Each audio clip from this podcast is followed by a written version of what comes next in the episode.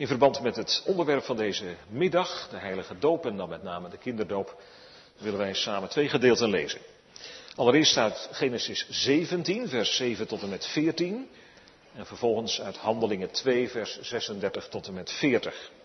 Daarna zingen we uit Psalm 105, vers 6. Al wat hij Isaac heeft gezworen, heeft hij ook aan zijn uitverkorenen, aan Jacob, tot een wet gesteld, tot zijn verbond in eeuwigheid. Psalm 105, vers 6. We lezen dus eerst Genesis 17, vers 7 tot en met 14. De Heere zegt daar tegen Abraham, ik zal mijn verbond maken tussen mij, u en uw nageslacht na u, al hun generaties door, tot een eeuwig verbond. Om voor u tot een God te zijn en voor uw nageslacht na u. Ik zal aan u en uw nageslacht na u het land waar u vreemdeling bent, heden het land Canaan, als eeuwig bezit geven. Ik zal hun tot een God zijn. Verder zei God tegen Abraham, en wat u betreft, u moet mijn verbond in acht nemen, u en uw nageslacht na u, al hun generaties door. Dit is mijn verbond dat u moet houden tussen mij en u en uw nageslacht na u. Al wie mannelijk is, moet bij u besneden worden. U moet het vlees van uw voorhuid laten besnijden en dat zal een teken zijn van het verbond tussen mij en u. Elk kind bij u van acht dagen oud, al die mannelijk is, moet besneden worden. Al uw generaties door. Degene die in uw huis geboren is en degene die van enige vreemdeling voor geld gekocht is, die niet tot uw nageslacht behoort. Degene die in uw huis geboren is en degene die met uw geld gekocht is, moeten zeker besneden worden. Zo zal mijn verbond in uw vlees tot een eeuwig verbond zijn. Maar hij die mannelijk en onbesneden is, van wie het vlees van zijn voorhuid niet besneden wordt, die persoon moet van zijn volksgenoten worden afgesneden. Hij heeft mijn verbond verbroken. En dan lezen we verder in het Nieuwe Testament, in Handelingen 2, de versen 36 tot en met 40. Dat is, het laatste vers is dan vers 36, het slot van de toespraak die Petrus houdt op de Pinksterdag nadat de Heilige Geest is uitgestort. Laat dan heel het huis van Israël zeker weten dat God hem tot een Heere en Christus gemaakt heeft, namelijk deze Jezus die u gekruisigd hebt. En toen zij dit hoorden, werden zij diep in het hart geraakt en zeiden tegen Petrus en de andere apostelen, wat moeten wij doen, mannenbroeders? En Petrus zei tegen hen, bekeer u en laat ieder van u gedoopt worden in de naam van Jezus Christus tot vergeving van de zonden. En u zult de gave van de Heilige Geest ontvangen. Want voor u is de belofte en voor uw kinderen en voor allen die veraf zijn, zoveel als de Heere onze God ertoe roepen zal. En met veel meer andere woorden legde hij getuigenis af en spoorde hij hen aan met de woorden, laat u behouden uit dit verkeerde geslacht. Tot zover de schriftlezing. Gemeenteres heren, jongens en meisjes, natuurlijk weet je het niet meer. Maar je was er wel bij. Op dat moment dat jij gedoopt werd hier in de kerk of misschien ergens in een andere kerk. Maar wat betekent jouw doop nu? Nou, even een, voorbeeld. Je vader en je moeder die zullen vast wel een, een trouwring hebben, zoals ik dat hier ook heb. En die ring is een teken van de liefde en de trouw die ze aan elkaar beloofd hebben. Jouw doop mag je vergelijken met een trouwring die de Heere aan jouw vinger geschoven heeft. Jij vroeg daar niet om, maar de Heere wilde dat.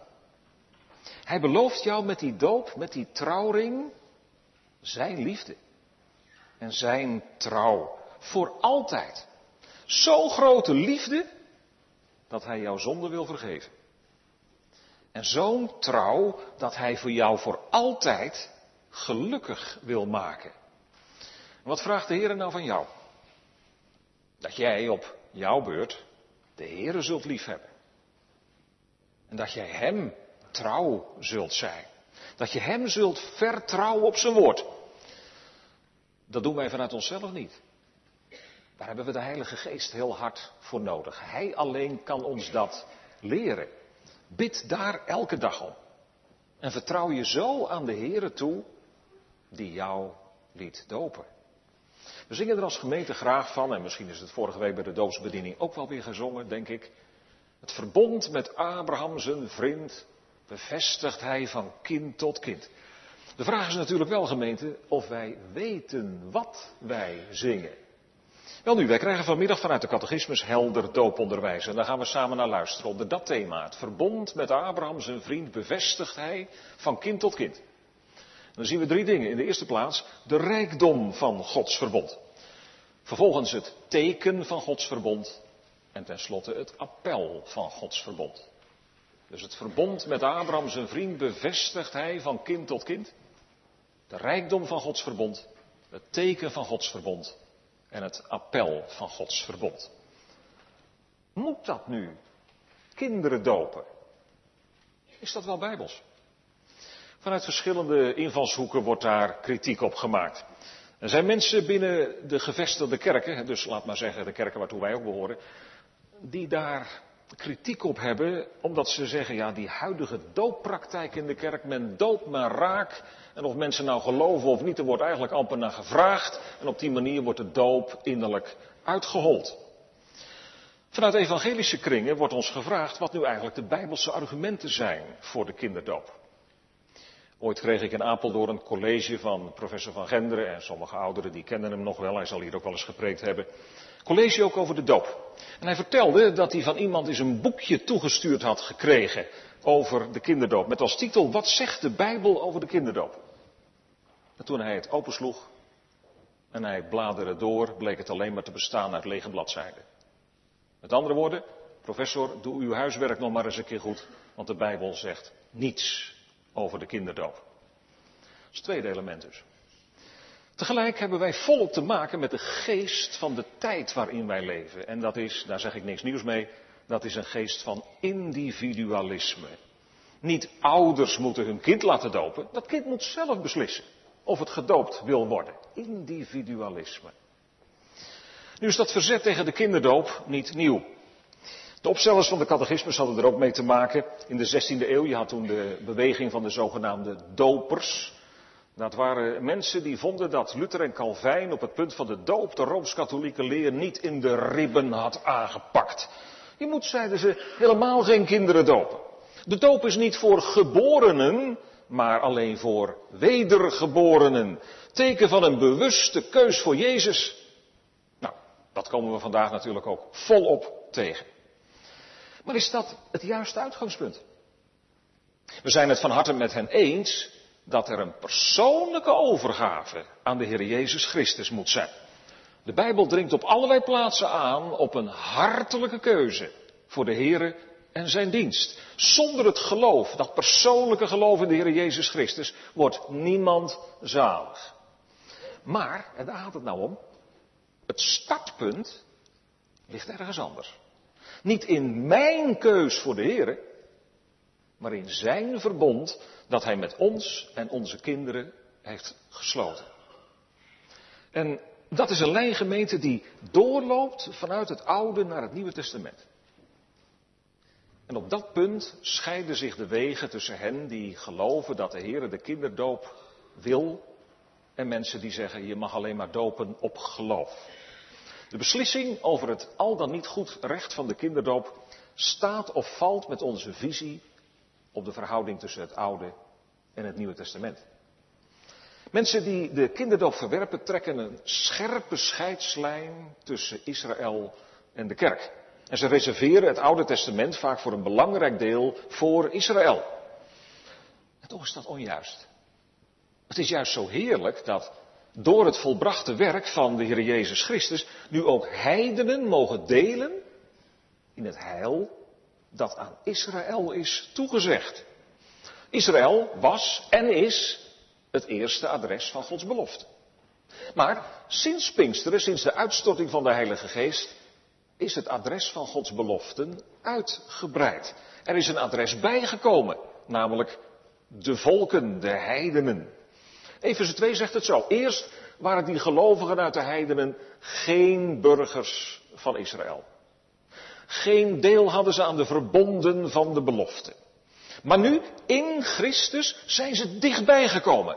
Door het bloed van Christus. Ze zijn medeburgers van de heiligen geworden. Christus maakt die gelovigen uit Joden en heidenen tot één volk. Ook heidenen mogen nu delen in Gods genadeverbond. En Gods genadeverbond, dat is de genadige relatie die Hij met zondige mensen aangaat. Daarin belooft Hij ons alles wat tot ons eeuwig welzijn nodig is. En Hij vraagt van ons geloof en bekering. Kort en krachtig wordt de inhoud van Gods verbond uh, naar voren gebracht in bijvoorbeeld Leviticus 26. Ik zal u tot een God zijn. En u zult mij tot een volk zijn. En we hebben in Genesis 17 gelezen dat dat verbond zich voortplant van generatie op generatie, de eeuwen door. Het ontspant de geslachten. Ik zal mijn verbond oprichten tussen mij en tussen u, Abraham, en tussen uw nageslacht. Al hun generaties door, tot een eeuwig verbond, om voor u te zijn tot een God. En voor uw nageslacht na u. Dat loopt door in het Nieuwe Testament. Alleen, dan vindt er, zoals gezegd, een uitbreiding van Gods verbond plaats. We hebben het samen gelezen uit Handelingen 2, die hele bekende woorden in vers 39.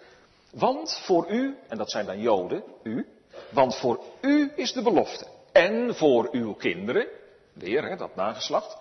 En voor allen die veraf zijn. Dat wil zeggen, heidenen die het evangelie helemaal nog niet gehoord hebben. Zoveel als de Heere onze God ertoe roepen zal. Gemeente, wat is dat rijk? Juist tegen de donkere achtergrond van onze zonde en verlorenheid. Wij vragen helemaal niet naar de Heere. Er is niemand die God zoekt, zegt het woord van God. Niemand. Wij keren de Heere de rug toe. Wij sloegen op de vlucht bij hem vandaan. En er is niet één van ons die uit zichzelf erover piekert om naar God terug te keren. Echt niet. Niemand die boven het maaiveld uitsteekt. Maar wat is nou het wonder? God komt ons achterop. Hij zoekt ons wel. En hij sluit een verbond met ons en met onze kinderen. Want die zijn net zo verloren als wij. En net zo liefdevol als de Heer naar volwassenen toe komt, komt Hij naar kinderen toe. Is dat niet de grote lijn die we overal in de Bijbel tegenkomen, gemeente? Dat, dat de Heer de kinderen er zo graag bij wil hebben, dat hij ze naar zich toetrekt.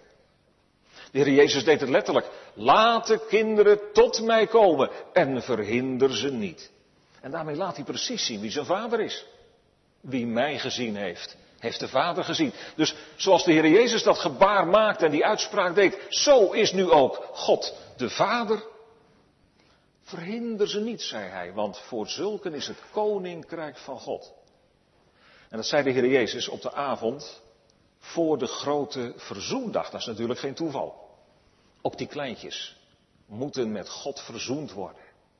En dat kan ook. Om Jezus wil. Jongens en meisjes, hoor je wel?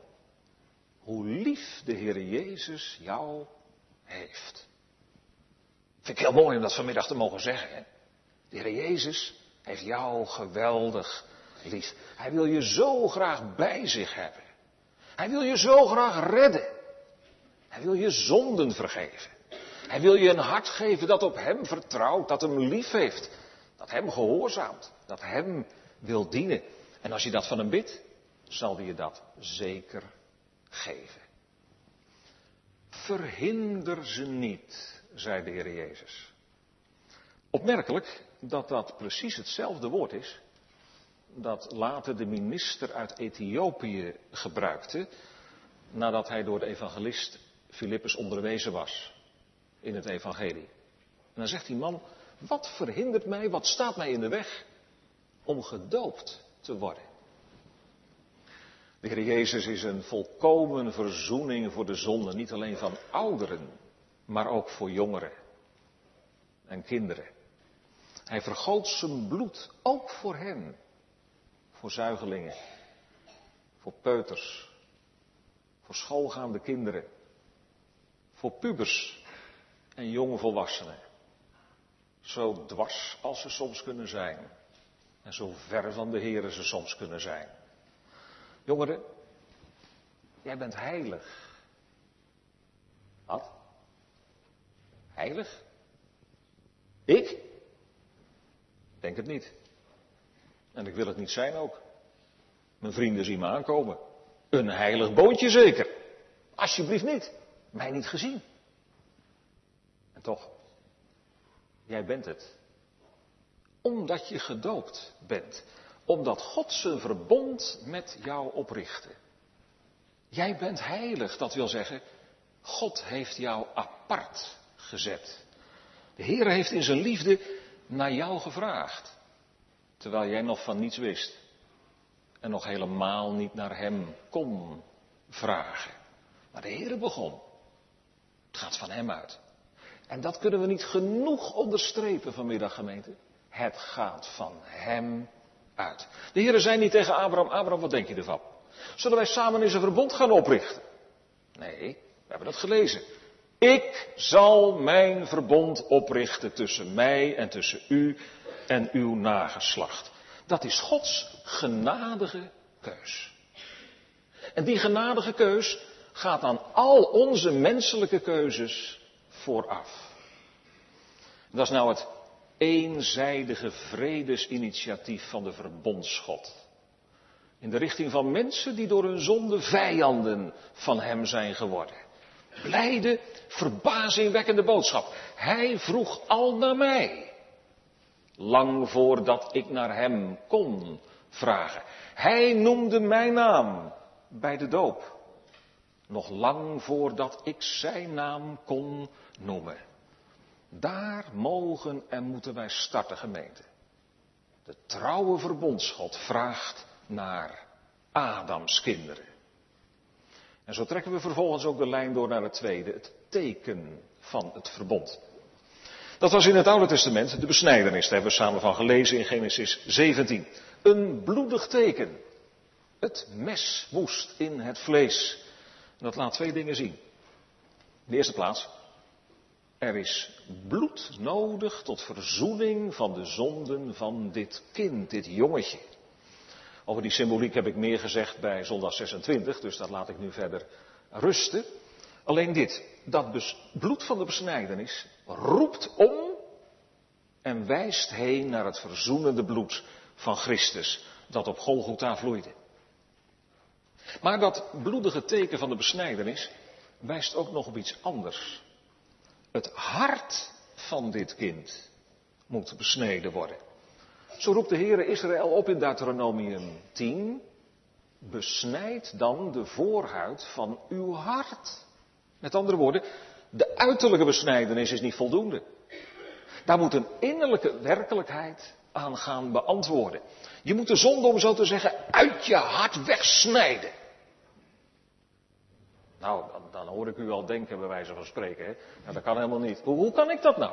Hoe kan ik nou de zonde uit mijn hart wegsnijden? Dat gaat me nooit lukken. Ik ben uit mezelf niet eens in staat om ook maar één zonde te overwinnen. Dan gaat het net als met een slang, waar je de kop van afslaat en er komen er zeven voor terug. Niet waar? Maar luister, nu klinkt verderop, en dat, dat vinden we dan in Deuteronomium 30, hè, dus net noemde ik hoofdstuk 10. Nu in Deuteronomium 30, daar komt het in de vorm van een belofte van de trouwe verbondsgod naar voren. De Heere uw God zal de voorhuid van uw hart besnijden. Om de Heere uw God lief te hebben met heel uw hart en met heel uw ziel, zodat u leven zult.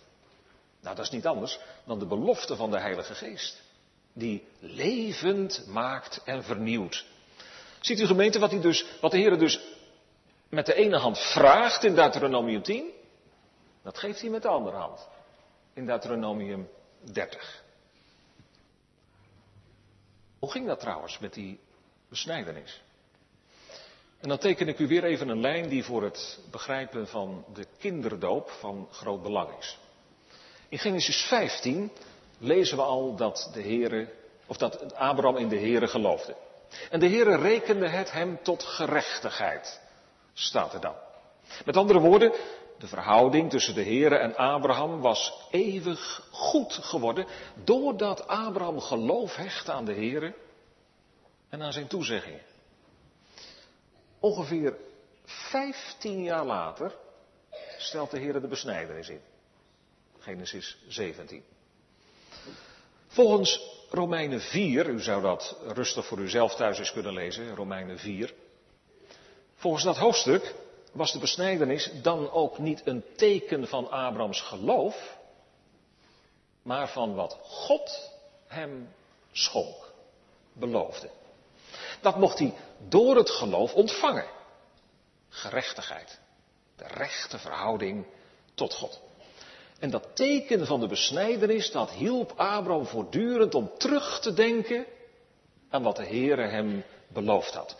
Dat was een besnijdenis op het geloof. Zoals ook vandaag iemand die door zendingswerk of door evangelisatie tot geloof komt, op het geloof gedoopt wordt. Maar dan ook verder. De Heer geeft Abraham niet alleen maar de belofte om zichzelf te besnijden, maar ook zijn mannelijke huisgenoten. En dat konden slaven zijn die in huis waren. Dat was ook Ismaël van 13 jaar oud. En dat was Isaac van acht dagen oud. Heel zijn huis staat er. En op die huisgedachte komen we straks nog wel even terug. Ziet u gemeente hoe hier de lijn van Gods verbond zich gaat aftekenen van het ene geslacht op het andere. Ook wanneer een kind er blijk van geeft er niks van te moeten hebben. Zoals bijvoorbeeld Ismaël. Wel, daar gaat het nu om in de doop. Zowel in de besnijdenis als in de doop gaat het om het teken van wat Christus gedaan heeft. De gerechtigheid die Hij tot stand bracht. De afwassing van de zonde. De vernieuwing door de Heilige Geest. En zoals God die belofte deed aan Abraham en zijn nageslacht, zo doet Hij die belofte ook aan ons en ons nageslacht. Aan allen die in de Heer Jezus Christus geloven en hun kinderen. Dat is de duidelijke taal van Romeinen 4. Nogmaals, misschien kunt u dat thuis eens lezen. Besnijdenis en doop hebben allebei dezelfde geestelijke inhoud. Het is dus niet zo, wat soms wel eens gezegd wordt, dat de besnijdenis puur een nationaal teken is, dat doorgegeven wordt via natuurlijke voortplanting. En dan zou het bij de besnijdenis alleen maar gaan om aardse zegeningen, meer niet. En het zou dan bij de doop gaan om geestelijke zegeningen, die je alleen maar door de geloofskeuze ontvangt. Nee, er is een diepe eenheid tussen beide. Besnijdenis en doop wijzen beide op de redding door Christus en de vernieuwing door de Heilige Geest. Misschien wilt u met mij nog even bladeren naar één tekst die ook in dit verband heel belangrijk is. Dat is uit Colossensen, Nieuwe Testament. Galaten, Efezen, Filippenzen, Colossensen. En dan Colossensen 2.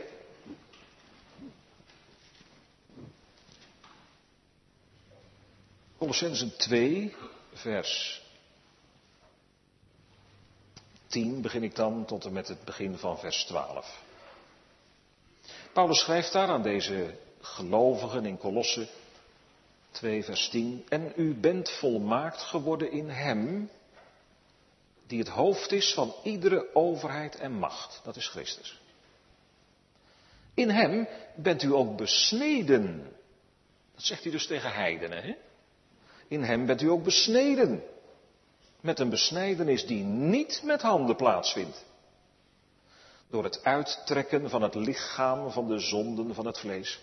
Door de besnijdenis van Christus. U bent immers met hem begraven in de doop.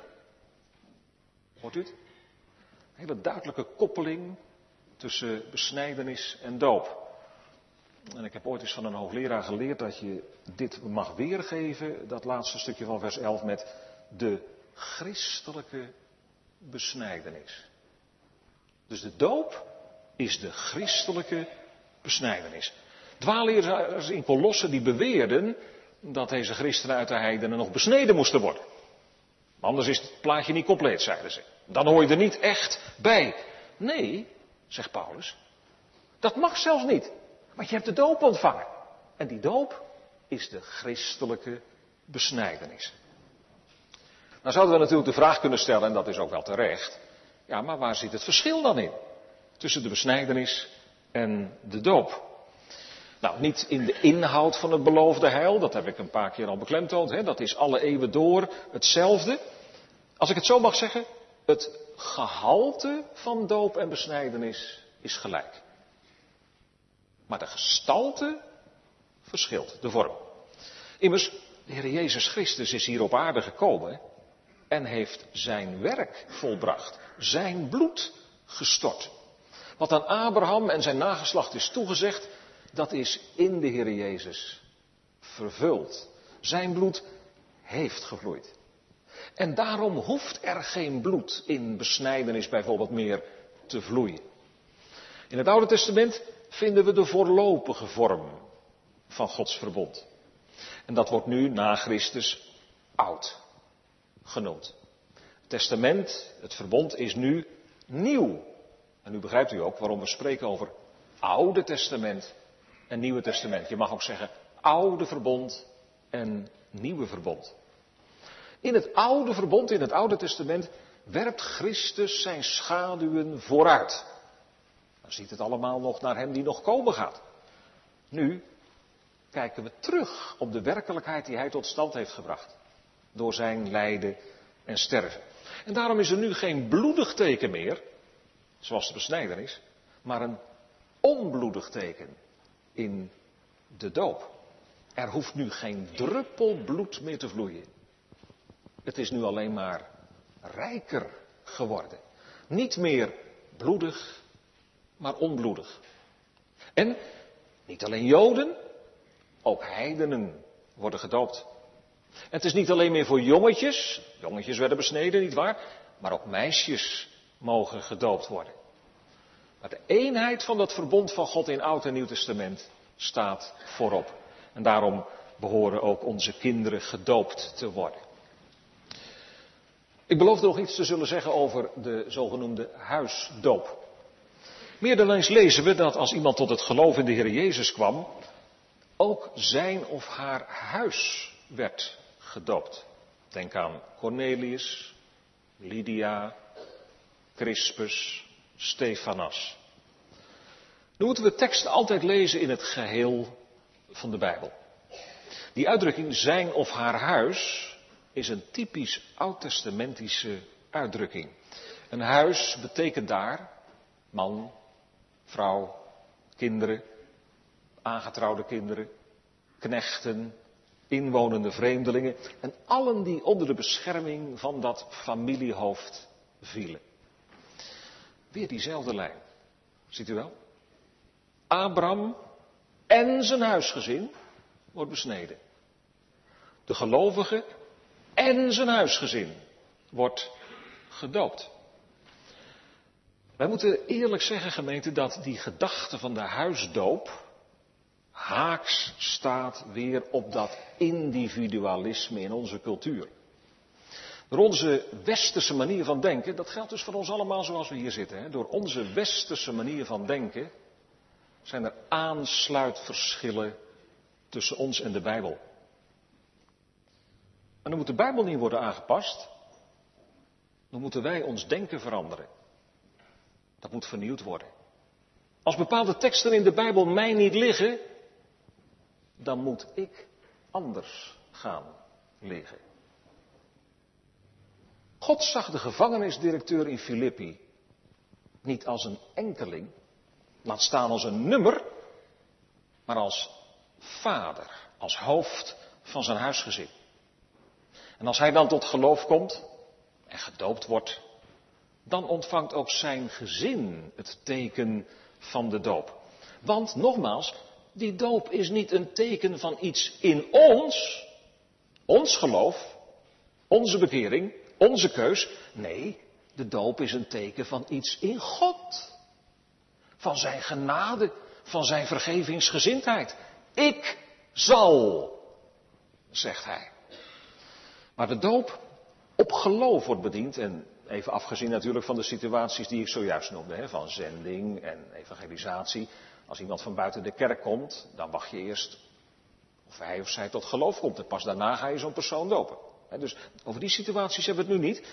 Maar de doop op geloof, afgezien van die situaties, daar lijkt die doop vooral mijn keus te onderstrepen. En als iemand zich laat overdopen, dan al helemaal. Maar nogmaals, de doop is niet een teken van mijn keus, maar van Gods belofte.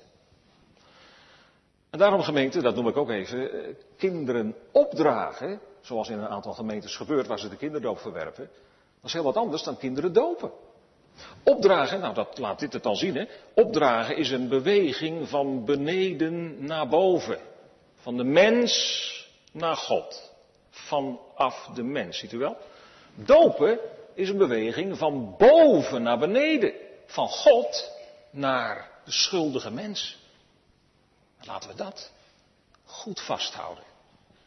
De kinderdoop wil niet anders zijn dan een onderstreping van Gods pure genade. Van zijn eenzijdig initiatief tot redding van verloren mensen. Ja, maar, zegt iemand, dan ben je er toch nog niet? Nee, dat is waar. Er komt nog iets bij en dat brengt ons op het laatste. Het appel van Gods verbond. We hebben gezien dat de Heer zijn verbond met ons en onze kinderen opricht en dat daarom de kinderen van de gemeente behoren gedoopt te zijn. Maar nu moet dat verbond wel tweezijdig gaan worden. We mogen het zo zeggen. De Heer heeft het opgericht, het komt bij Hem vandaan, dus het is eenzijdig, van één kant in het ontstaan. Maar in alle verbonden is sprake van twee partijen. Dat heb je bijvoorbeeld ook in een huwelijksverbond. Man en vrouw. En daarom roept het verbond van de Heer ons op tot een antwoord. Nee, God en mens zijn geen gelijkwaardige partners, dat voelen we hopelijk wel aan. Maar het is wel de bedoeling van de Heer dat dat verbond tweezijdig gaat worden. Zijn keus voor mij roept om de keus van mijn hart voor Hem. Misschien, jongeren, denk je wel eens, ja, maar ik heb er helemaal niet voor gekozen om gedoopt te worden. Dat hebben mijn ouders gedaan. Dat is ook zo, je hebt er niet voor gekozen. Net zo min als je ervoor gekozen hebt om geboren te worden. Maar je bent er wel. Maar de Heer heeft jou geschapen. Hij heeft jou gewild. Het zou trouwens ook niet best zijn als jouw redding zou afhangen van jouw keuze. Want er is geen mens die vanuit zichzelf voor zijn eeuwige redding kiest. Simpelweg omdat we niet eens zien dat we verloren zijn, niet zien dat we redding nodig hebben. Maar het water van de zee wist niet af. Wij hebben al eens gekozen. In onze eerste voorvader, Adam. Toen kozen wij al tegen God. En wij bevestigen elke dag in onze levenswandel die keus 101 keer. En daarom, ja, God de Vader moet je trekken. En God de Zoon moet je roepen. God de Heilige Geest moet je overtuigen.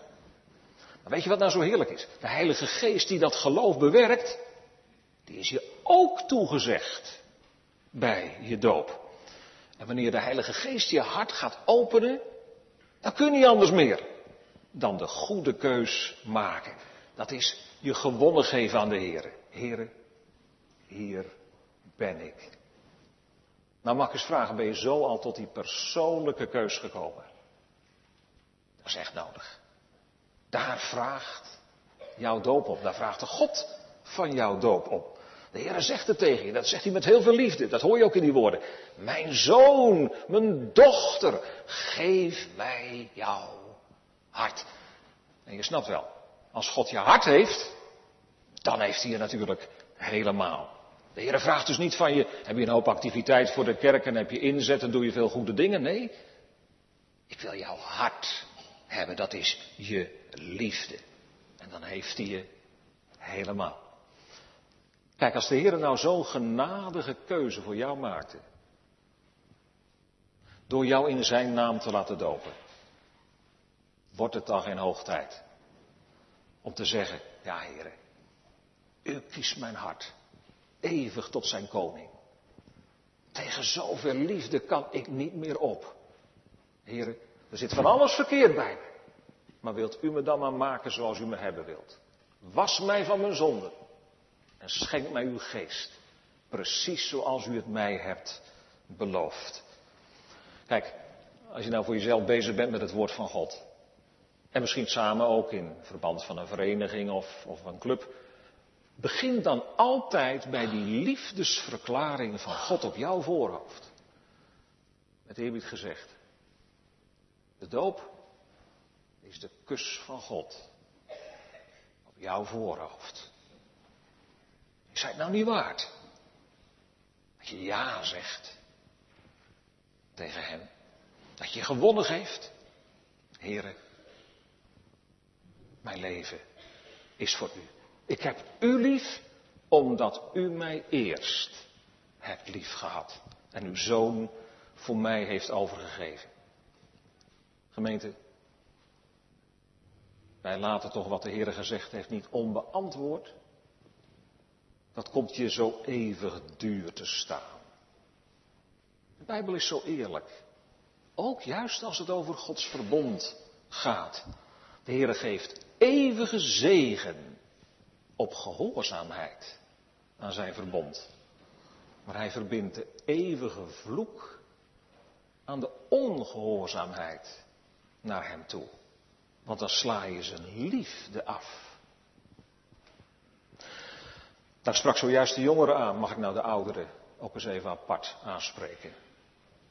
Hoe lang draagt u dat teken en zegel van Gods verbond nu al met u mee? 40, 50, 60, 70, 80, 90 jaar, nog meer soms? Heerlijk als het tot het antwoord kwam. Tot de beleving van Gods verbond. Of heb je nou een kerkbank versleten, misschien hier in het dorp?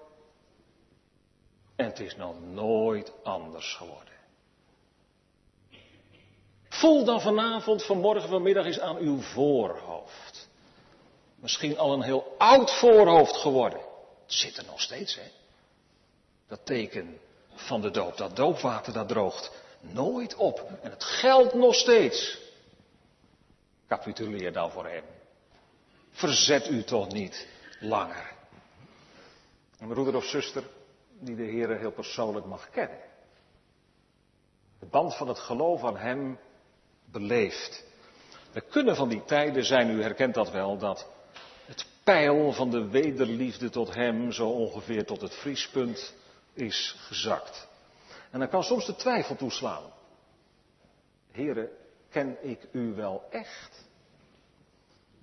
Op zulke momenten heb ik geen enkele steun aan mijn vroegere bevinding. Dat blaast de Satan dwars doorheen. Dan zegt hij tegen, dit heb je allemaal maar ingebeeld.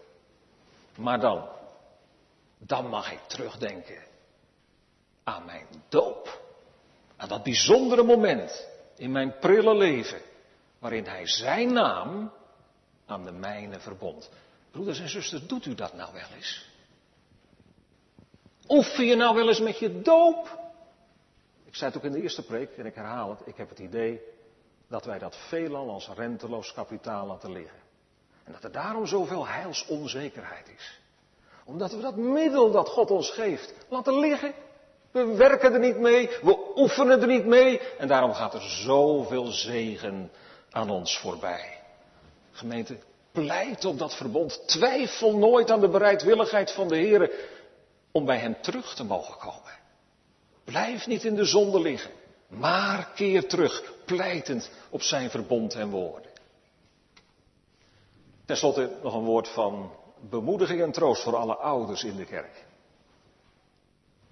U hebt bij de doop van uw kind aan de Heer beloofd dat u, en als het goed is gelovig beloofd, dat u uw kind zult opvoeden in de lijn van zijn verbond.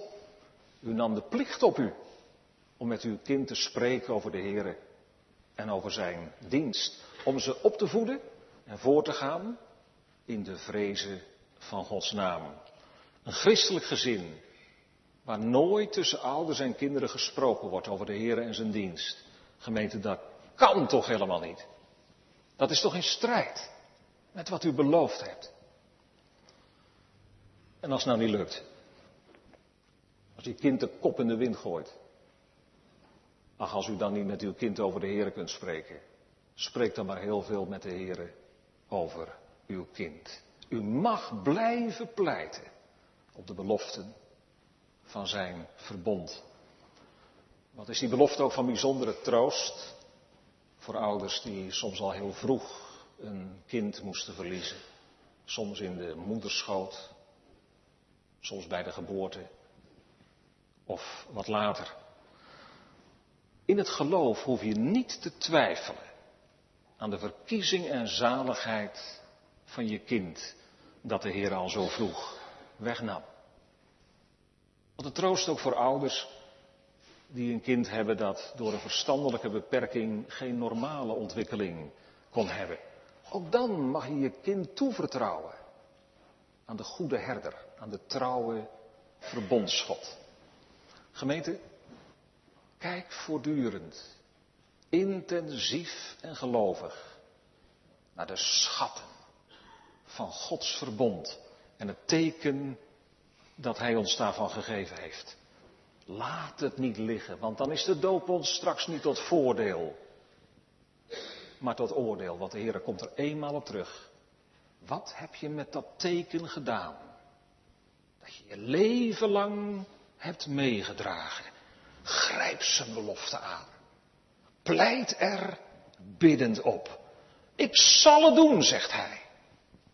Wat wilt u nog meer? Het is trouw. Al wat hij ooit beval. Het staat op recht en waarheid pal. Als op onwrikbare steunpilaren. Amen.